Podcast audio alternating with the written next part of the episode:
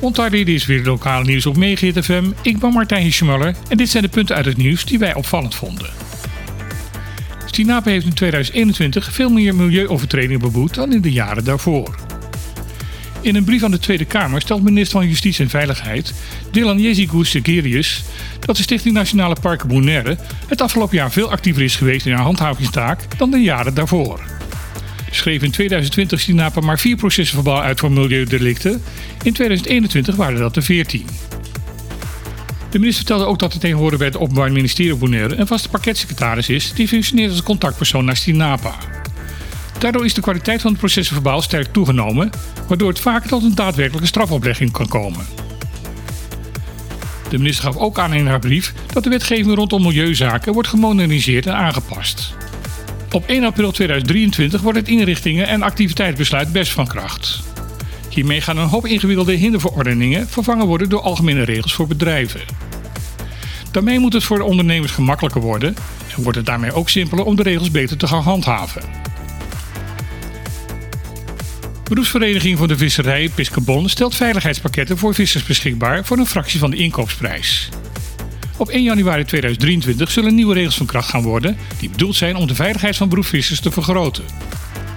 Een onderdeel van de nieuwe regels is dat vissers een aantal zaken bij zich moeten hebben.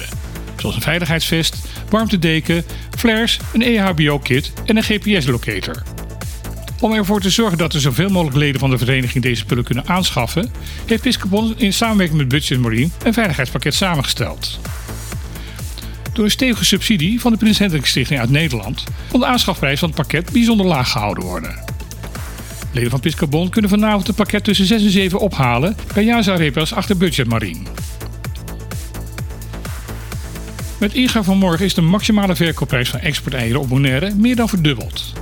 Is dat slecht nieuws voor de consument? Nee, gek genoeg misschien niet. Er heerst op het eiland een eiercrisis. In vrijwel alle supermarkten op het eiland zijn de schappen voortdurend leeg. Wanneer er dan een nieuwe voorraad eieren komt, is deze meestal op het hele eiland weer binnen een half uur uitverkocht. Door diverse oorzaken is de plaatselijke producent van eieren, Punta Blanco, niet in staat om aan de lokale vraag te voldoen.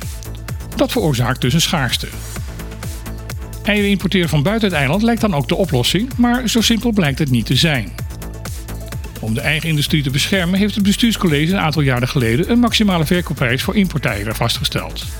Deze lag met 1,36 dollar een stukje lager dan de toenmalige inkoopprijs van deze eieren. Het verkopen van importeieren levert dus een verlies op. Ondanks dat bleven sommige supermarkten toch importeieren verkopen als een service aan hun klanten.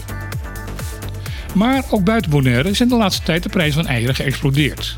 Volgens supermarkt Bondigro zelfs tot een inkoopprijs van boven de 5 dollar.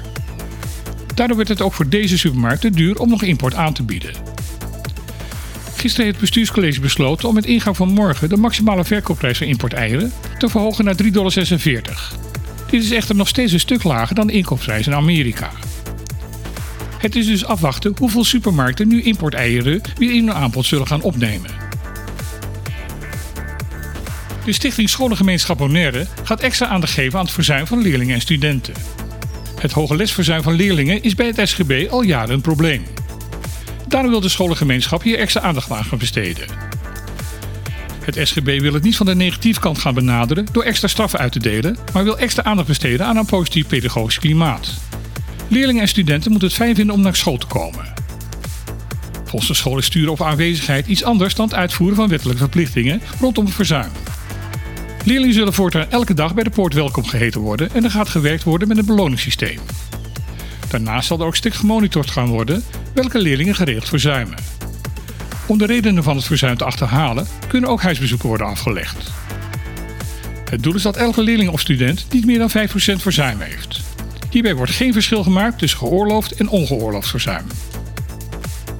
Dit was weer het lokale nieuws van Megahit FM. We wensen iedereen nog een mooie dag en graag weer tot morgen.